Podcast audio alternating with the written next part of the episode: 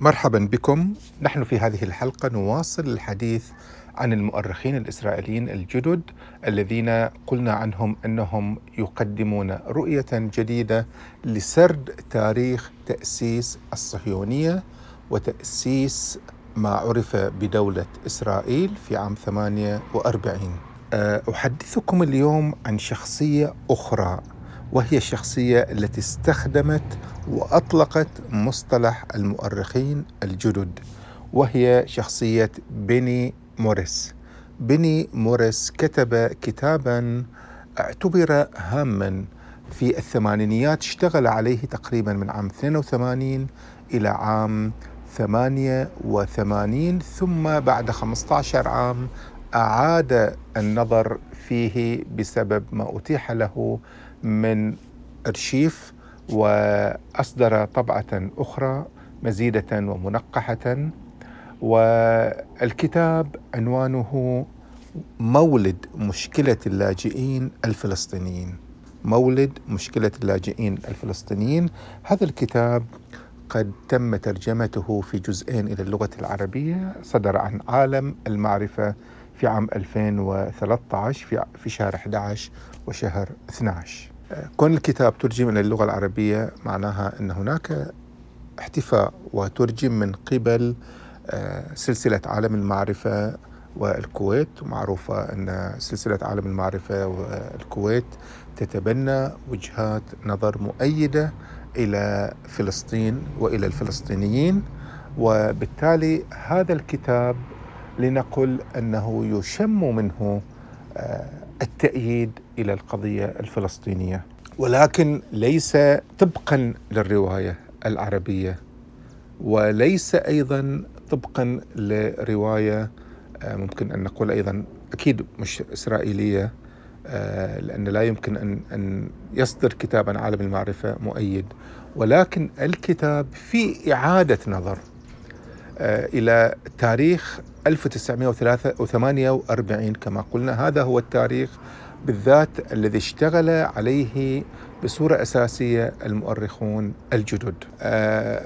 أنا وجهة نظري أن هذا الكتاب لا يمثل إنصافا للتاريخ الفلسطيني ولا إلى اللاجئين الفلسطينيين أنا هذا وجهة نظري من خلال قراءتي إلى الكتاب وسأقول لماذا هو لا يمثل وجهة نظر منصفة آه، القضية الفلسطينية ولا للفلسطينيين ولا إلى اللاجئين الفلسطينيين. الكتاب من عنوانه واضح أنه مشغول بموضوع اللاجئين الفلسطينيين. يعني هو يريد أن يقول كيف نشأت هذه المشكلة؟ لماذا لدينا هذا الكم الهائل من اللاجئين الفلسطينيين الموجودين في لبنان الموجودين في الأردن الموجودين في سوريا الموجودين في الضفة الغربية الموجودين في غزة. لماذا؟ كيف ولدت هذه المشكلة التي تؤرق العالم والتي ما زالت تطرح نفسها بقوة؟ وجاءت صفقة القرن لتصفي هذه القضية وإذا بصفقة القرن قد صفيت ولم تصفى هذه القضية هذه قضية حاضرة وقوية وتطرح نفسها في كل اتفاقية سلام أو في كل عملية حرب أو في كل آه، ما حاولنا أن نتحدث عن موضوع فلسطين جاءت هذه المشكلة التي لا يمكن التغافل عنها ابدا. فالجواب على هذا السؤال محتاج إلى أن تطرح تطرح سردية أخرى، كيف حدث هذا؟ من الذي جعل الفلسطيني لاجئا؟ هذا الكم الهائل للبعض يقدره في ذلك الوقت ب 500 ألف نصف مليون البعض يقدره ب 750 ألف البعض يقدره بمليون حسب الاتجاهات ما بين الأمم المتحدة ما بين العرب ما بين إسرائيل ف ولكن آه، على أي حال هناك عدد كبير من اللاجئين الرواية الإسرائيلية التقليدية التي ترفض أن تعترف بأن هناك لاجئين أو تعترف بأن هناك مشردين أو هناك مطرودين من أرضهم. هذه الرواية لم تعد تصمد. فبالتالي هذا المؤرخ الذي يصف نفسه أنه مؤرخ جديد يحاول أن لا أقول أنه يلمع ولكن يحاول أن يقدم رواية أخرى لعلها أقل أقل تحيزا ولكنها أنا من وجهة نظري هي متحيزة. يحاول أن يقدم أحيانا لنقل رواية أكثر واقعية حين يقدم وجهات نظر وتفصيلات متعددة ولكن تبقى متحيزة أيضا. إذا قارنا ما بين رواية ما بين رواية إيلان إيلان بابيه التي تحدثنا عنها بالتفصيل في الحلقة السابقة وبين رواية مولد مشكلة اللاجئين الفلسطينيين التي يقدمها موريس. هنا بين موريس سنجد فرقا شاسعا كبيرا جدا جدا جدا. لو أخذنا على سبيل المثال موضوع عنوان الكتاب كتاب بابيه يقول التطهير العرقي. يحسم الأمر بل أنه يقول البعض سيقول أنا منحاز أو يقول أنك توجه اتهاما منذ البداية يقول نعم أنا منحاز وأنا أقدم سببا واتهاما لهؤلاء السياسيين الذين قاموا بهذه العملية ولا يتراجع. بكل وضوح هكذا حين يكون المفكر والمثقف والأكاديمي منحازا إلى الحقيقة لا يبالي موضوع أن يكون يتبنى عدة وجهات نظر أو أنصاف حلول أو أنصاف روايات هذا لا ي... خصوصا حين يتعلق الأمر برواية تتعلق بناس يعيشون من لحم ودم وأنت تراهم الآن وترى أن مشكلة السردية التي نشأت قبل سبعين عاما ما زالت تعمل إلى اليوم لا يمكنك أن تتبنى وجهات نظر باردة أو محايدة. هذا ما فعله بابيه. في حين ما فعله هذا المؤرخ الذي أعطى مصطلح وصك مصطلح المؤرخين الجدد ماذا يقول موريس؟ يقول لو خيرنا بين موضوع التطهير العرقي والإبادة الجماعية يقول يفضل التطهير العرقي. ما معنى ذلك؟ هذا كلام قاله في حوار أجري معه عام 2019 مع صحيفة إسرائيلية. يعني لو أنا خيرت بين أن أطهر تطهيرا عرقيا وبين أن يكون أحد مهدد بالإبادة الجماعية يقول أنا سأذهب إلى التطهير العرقي. التطهير العرقي. هذا هذا ما يذهب إليه. بل إنه يعني ما يؤكد أن كتابه أساسا في هذا الانحياز هذا الحوار الذي حدثتكم عنه هذا الحوار كشف انقلاب كبير لديه وك... لا أقول انقلاب إنما كشف حقيقة موقفه أكثر. يقول ويصف الفلسطينيين أو الجانب الفلسطيني بأنه حيوان متوحش. فهذا الحيوان المتوحش لابد أن تضعه في قفص لابد أن تحجر عليه لابد أن تشكمه لابد أن تحذر منه. حيوان متوحش يراه. كذلك هو يرى أن ما حدث في 48 لم يجهض على الفلسطينية الفلسطينيين كلهم. يقول كان المفروض أن يخرجوا كلهم إلى نهر الأردن إلى شرق نهر الأردن بحيث أن تكون لديهم دولة هناك في الأردن وتكون فلسطين أو إسرائيل خالصة إلى اليهود. هذا يذكرنا آه الآن سأقرأ بعد قليل مقتطفات من الكتاب لكي أوضح لكم تماما الجمل التي يقولها بشكل واضح ولا تأويل فيه.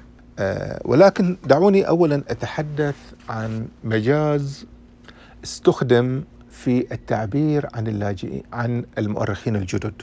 بالمناسبة هو حتى لفظ المؤرخين الجدد بدأ يتنصل منه فحين سئل عن هذا المصطلح وهو قد بلغ في 2019 قد بلغ سن السبعين يقول غير مناسب الآن أن نستعمل مؤرخين جدد, جدد وأنا آه، قد بلغت الآن سن السبعين. أنا أعتقد أنه آه، قد تبرأ من هذا المصطلح ليس فقط لأنه قد كبر في السن وإنما هو قد يعني حتى الرؤى التي تبدو نوعا ما فيها جانب آه، ولو قليل من إنصاف للفلسطينيين هو يريد حتى أن يتبرأ من ذلك. هو أنا في في في قراءاتي له أجده شخصية متذبذبة ويتذبذب آه، بحسب التحولات السياسية. يعني كيف مؤرخ من المؤرخين الجدد مثلا وهو يكيل الثناء أحيانا تجده إلى نتنياهو الذي يمثل اليمين. المفروض المؤرخ الجديد يمثل اليسار اليسار الذي يسعى إلى تلطيف الجو الذي يسعى إلى الاعتراف بحل فكرة الدولتين الذي يسعى إلى الإنصاف الذي يقلل نوعا ما من اتجاهات التطرف واليهود المتطرفين لكن تجده عكس ذلك.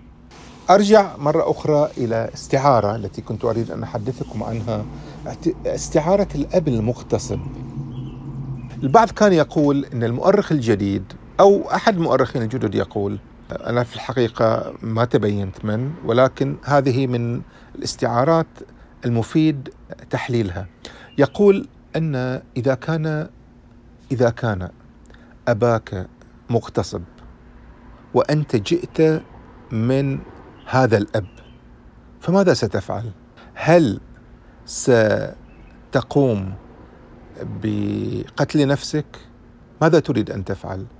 عليك أن تحاول أن تصلح من بشاعة ما قام به الأب أن تحاول أن تكون شخص أفضل من الأب فكأن المؤرخ الجديد يقوم بهذا الفعل كأنه يلطف ما قام به. يعني كأن هؤلاء المؤرخون الجدد يقومون بالتكفير عما قام به آباؤهم من من بشاعات من اغتصابات من قتل من تشريد من تدمير من تهجير بأن يقدموا أنفسهم أو ينتجوا سير أفضل وسلوك أفضل من الآباء.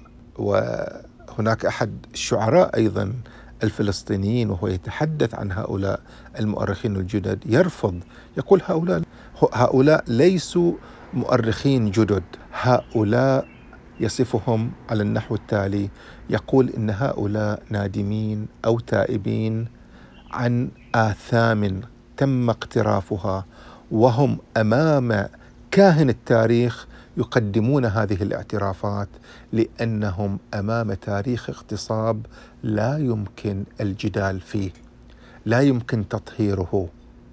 هم قاموا بعمليات تطهير ابائهم قاموا بعمليات تطهير عرقي فهم يطهرون هذه السيرة بأن ينتجوا لنا روايات أخرى فيها شيء من التخفيف. يعني ليس انكارا كاملا إذا كان الصهاينة وابائهم أنكروا انكارا تاما وقالوا ليس هناك شعب هناك أرض بلا شعب ولم نقم نحن بطرد أحد أو قتل أحد فهؤلاء جاءوا ليعترفوا. وجزء من هذا الاعتراف يصوغه يصوغه صاحب كتاب مولد مشكلة اللاجئين الفلسطينيين بيني موريس يصوغه على النحو التالي وهذه الصياغة أنا أخذتها حقيقة من حواره. يقول ما حدث في عام 1948 حدث يقول في إطار حرب بين حركتين قوميتين. حرب نظيفة الجرائم التي بها صغيرة قليلة قد 800 شخص ذهب فيها قد قتل أشخاص ولكن ما حدث لم يكن يعبر عن سياسة ممنهجة عن سياسة منظمة عن تهجير وتطهير يعبر عن قصد ونية سيئة. لاحظوا هنا هو يقول حركة حركة قوميتين قومية فلسطينية عربية وقومية يهودية. كل واحدة من هاتين القوميتين تصارعتا فأرادت كل واحدة أن تنتصر على الأخرى فهذا ما حدث.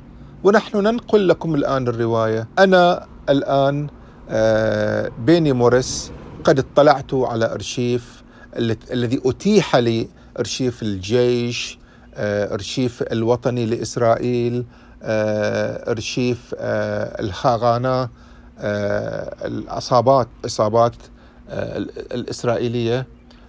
هذا الذي أتيح لي فأنا أقدم لكم رواية. هذه الرواية توضح أن ما حدث هو حرب بين حركتين قوميتين. لاحظوا كيف أنه يلعب هنا بالإرشيف يلعب هنا بالسردية يطهرها يقوم بعملية تخفيف عن هذا الأب المغتصب يقوم باعتراف أمام كاهن التاريخ ولكن ليس اعترافا كليا إنما اعتراف بحيث يجعل هناك أخطاء وقعت ما بين الطرفين. إلى الحد الذي يقول فيه أن لم يكن هناك أصلا نية لموضوع التهجير. وهذه فقرات سأقرأها لكي أكون امينا في نقل جمله. في حين لو أنا أقارن هذا الكلام بالذي اتخذه وعبر عنه إيلان بابيه في كتابه التطهير العرقي ذاك يقول بشكل واضح أن هناك بيت وهذا أول صفحة يبدأ بها البيت الأحمر. البيت الأحمر يقول هذا البيت الذي بني وكان مبنيا على الطراز الفلسطيني الجميل بقرميده هذا البيت في يافا كان. عفوا في تل أبيب التي هي تل أبيب الآن بهذه التسمية. يقول هناك مجموعة من السياسيين المعروفين بأسمائهم بن غوريون آه، مناحم بيغن آه، وغيرهم. يقول هؤلاء جلسوا وخططوا في شهر مارس في 48 ورسموا استراتيجية ممنهجة وأرادت أن يقوم وأرادوا أن يقوم يقوموا بعملية التهجير والطرد بالعنف وبالعسكر وبالتخويف. لاحظوا الفرق بين الروايتين. لذلك هو موريس يعتبر أن بابيه متطرف ويعتبره معادي تام للصهيونية. لذلك أيضا بابيه في كتابه يهاجم موريس ويقول عنه أنه يذهب إلى تفصيلات جزئية ويحجب الرؤية الكلية ولا يعترف بما وقع. هنا لذلك أنا أقول قراءة هؤلاء المؤرخين قراءة الجدد بكونهم قالوا الحقيقة كاملة أو قالوا نصف الحقيقة مهمة لماذا مهمة؟ لأنها ترينا كيف يتم قراءة الوثائق كيف يتم سرد الروايات كيف يعمل المثقف والمؤرخ والمؤرخ؟ كيف يعملون في التاريخ؟ المثقف الذي يخون الأرشيف أو يخون التاريخ أو ينحاز لأنه يريد أن يحافظ على مصالحه مثلا مع رجل السياسة وسلطة السياسة كما فعل هو مع نتنياهو. لذلك هو بقى في إسرائيل في حين أن إيلان إيلان بابي لا يوجد ليس في إسرائيل. الآن جالس مع المفكر اليهودي الشهير وصاحب النظرية اللغوية وصاحب المواقف السياسية الشهيرة جدا. هو هناك معه في أمريكا. شومسكي وقد ألف كتاب أيضا مع شومسكي. وشومسكي طبعا شخصية معروفة ومشهورة. ونقده للسياسة الأمريكية والسياسة الإسرائيلية آه، يملأ كتبه التي ترجمت إلى اللغة العربية.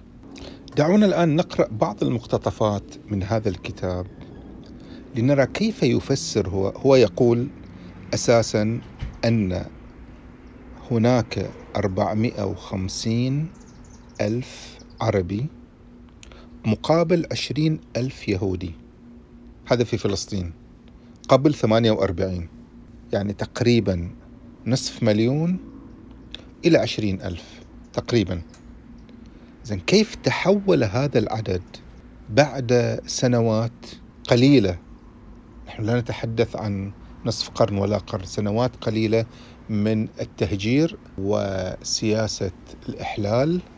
كيف تحول الموضوع إلى أن أصبح عدد اليهود 450 ألف؟ كيف أصبحوا 450 من 20 ألف إلى 450 ألف. هذا السؤال يفسر موضوع ولادة مشكلة اللاجئين. ولكن لأن هذا المؤرخ بيني موريس لعب لا أقول زيف لعب لعبة يعني تقدم شيء تؤخر شيء تقلل من شيء تحجب شيء بالأرشيف فاستطاع أن يقدم لنا رواية لماذا حدث ذلك؟ دون أن ننزعج دون أن نقول أن هناك آه، سياسة ممنهجة دون أن نقول أن هناك تطهير دون أن نكون هناك أن نقول أن هناك جريمة ضد الإنسانية. هذا يقوم به أحيانا المؤرخ أو المثقف أن الجريمة يعطيها تسمية أخرى حين يعبث بقراءة الأرشيف. هذا هذه وظيفة خطيرة جدا يقوم بها المثقف والمؤرخ والكاتب. دعونا الآن نقرأ بعض هذه المقتطفات ونقرأ بعد ذلك النتيجة والخاتمة التي خلص إليها في الجزء الثاني من كتابه. لو نذهب الآن إلى صفحة مثلا 98 ونشاهد ماذا يقول في هذه الصفحة حول ما حدث في 48 لم تأتي جولات التفكير الصهيوني حول النقل من فراغ. ما في فراغ. هناك هناك شيء يملأ هذا الفراغ. هذا الشيء هو ما يملأه هو بتفسيراته وبتأويلاته وبلعبه في قراءة الأرشيف. إنما كرد فعل لعوامل أو مبادرات خارجية. بداية الثلاثينيات جاء تأمل الصهاينة في التنقل كنتيجة للعنف العربي نتيجة. في عنف عربي وفشل الجهود المبذولة لإقناع البريطانيين بالسماح بتوطين اليهود في شرق الأردن. هذا رقم واحد. وفي نهاية الثلاثينيات هذه بدايتها في نهاية الثلاثينيات أطلقته الثورة العربية بقيادة الحسيني طبعا وتوصية لجنة بيل بأن ينقل السكان العرب من المنطقة المحددة لقيام دولة يهودية. أيضا هذه في الثلاثينيات ما كان عندهم أصلا فكرة نقل العرب ولا فكرة تهجيرهم إنما حدثت ثورة ضد اليهود وبالتالي لازمهم يواجهوها. وخلال الأربعينيات جاء التفكير حول النقل متأثرا بمقترحات سان جون فليبي حول اتحاد فيدرالي في الشرق الأوسط والحاجة الماسة إلى ملاذ آمن خال نسبيا ليهود أوروبا المهددين بالهلاك. وخلال عامي 44 و 45 انطلق الحديث عن هذا الملف من قرار اللجنة التنفيذية لحزب العمال البريطاني والذي ضمن النقل في برامج في برنامج عمله من أجل تسوية المسألة الفلسطينية. بحلول منتصف الأربعينيات أصبح منطق النقل وضرورته أمرا مقبولا لدى العديد من المسؤولين البريطانيين وعدد من القادة العرب يعني نحن ننقل هؤلاء نزيحهم من أرضهم نزيحهم من بيوتهم من مزارعهم أمر مقبول صار. لاحظ كيف هنا جهد المثقف وجهد المؤرخ ينصب على ملء هذا الفراغ. هذا الفراغ الذي هو بناء كتلة من الأسباب والسياقات تجعل هذا التطهير العرقي له مبرر له سياق. ويواصل في في هذا الموضوع يعني لاحظ الجمل أحيانا عنده وهذا شيء يعني غريب هو لديه. ساعات الجملة تجدها تنصف آه، الفلسطيني لكن في الحقيقة هي لا تنصفه. هي يعني حين يقول إن تم طرد فهو يضع أسباب. يعني هناك شيء دفع هذا الإسرائيلي الصهيوني ليقوم بعملية الطرد، شيء هو مضطر له، لا شيء هو يخطط له أو شيء هو يمنهجه. بهذه الطريقة يتم التلاعب.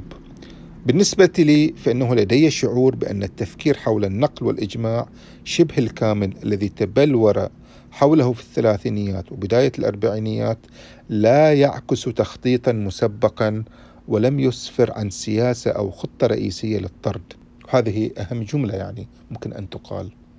فأنت تقول أن التعذيب الذي يحدث مثلا في السجون هناك تعذيب هناك عمليات هناك سوء ولكن ليس هناك شيء ممنهج وأعتقد هذه الفكرة يعرفها البحرينيون تماما خلال تقرير بسيوني على اية حال في ختام كتابه في الجزء الثاني ماذا يقول؟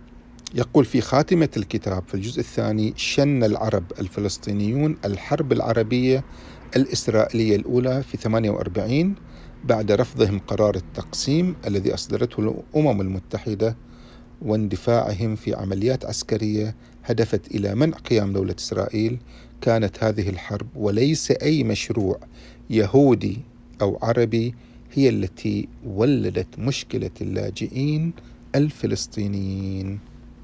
فإذا انحلت انحل السؤال كيف ولدت مشكلة اللاجئين الفلسطينيين من هذه الحرب؟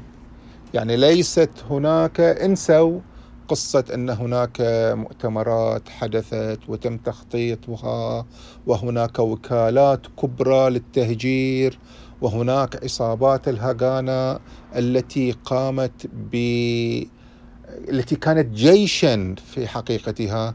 وحين قامت إسرائيل صار اسمها الجيش الإسرائيلي. انسوا هذا كله هذا لم كأنه لم يحدث. هذا كأنه كانت أشياء جانبية أو كان دفاع عن النفس أو كانت أشياء هامشية. ولكن السبب الحقيقي هو أن الموضوع كان حرب بين قوميتين متكافئتين وأن هناك حرب شنها الفلسطينيون على اليهود. وبالتالي حدث ما حدث وهذا ما يفسر لنا الموضوع ككل. بل ويزيد في ذلك يقول لم تكن هناك خطة صهيونية مسبقة لطرد العرب من فلسطين أو مناطق الدولة اليهودية في طور التكوين كما أن اليوشف لم يدخل الحرب مستندا إلى خطة أو سياسة للطرد. آه، اليوشف هم آه، السكان اليهود. طبعا صار بعض بعد ذلك اسمهم الإسرائيليين وهم سكان اعتبروا طبيعيين وأصليين للدولة ولكن قبل قيام إسرائيل كان يطلق عليهم اليوشف آه، إذا هذا ما حدث. هكذا الرواية تتم وهكذا هو يفسر هذه العملية التي تمت. إذا تعرفنا هنا على أحد هؤلاء المؤرخين. الجدد وهو صاحب مصطلح المؤرخين الجدد.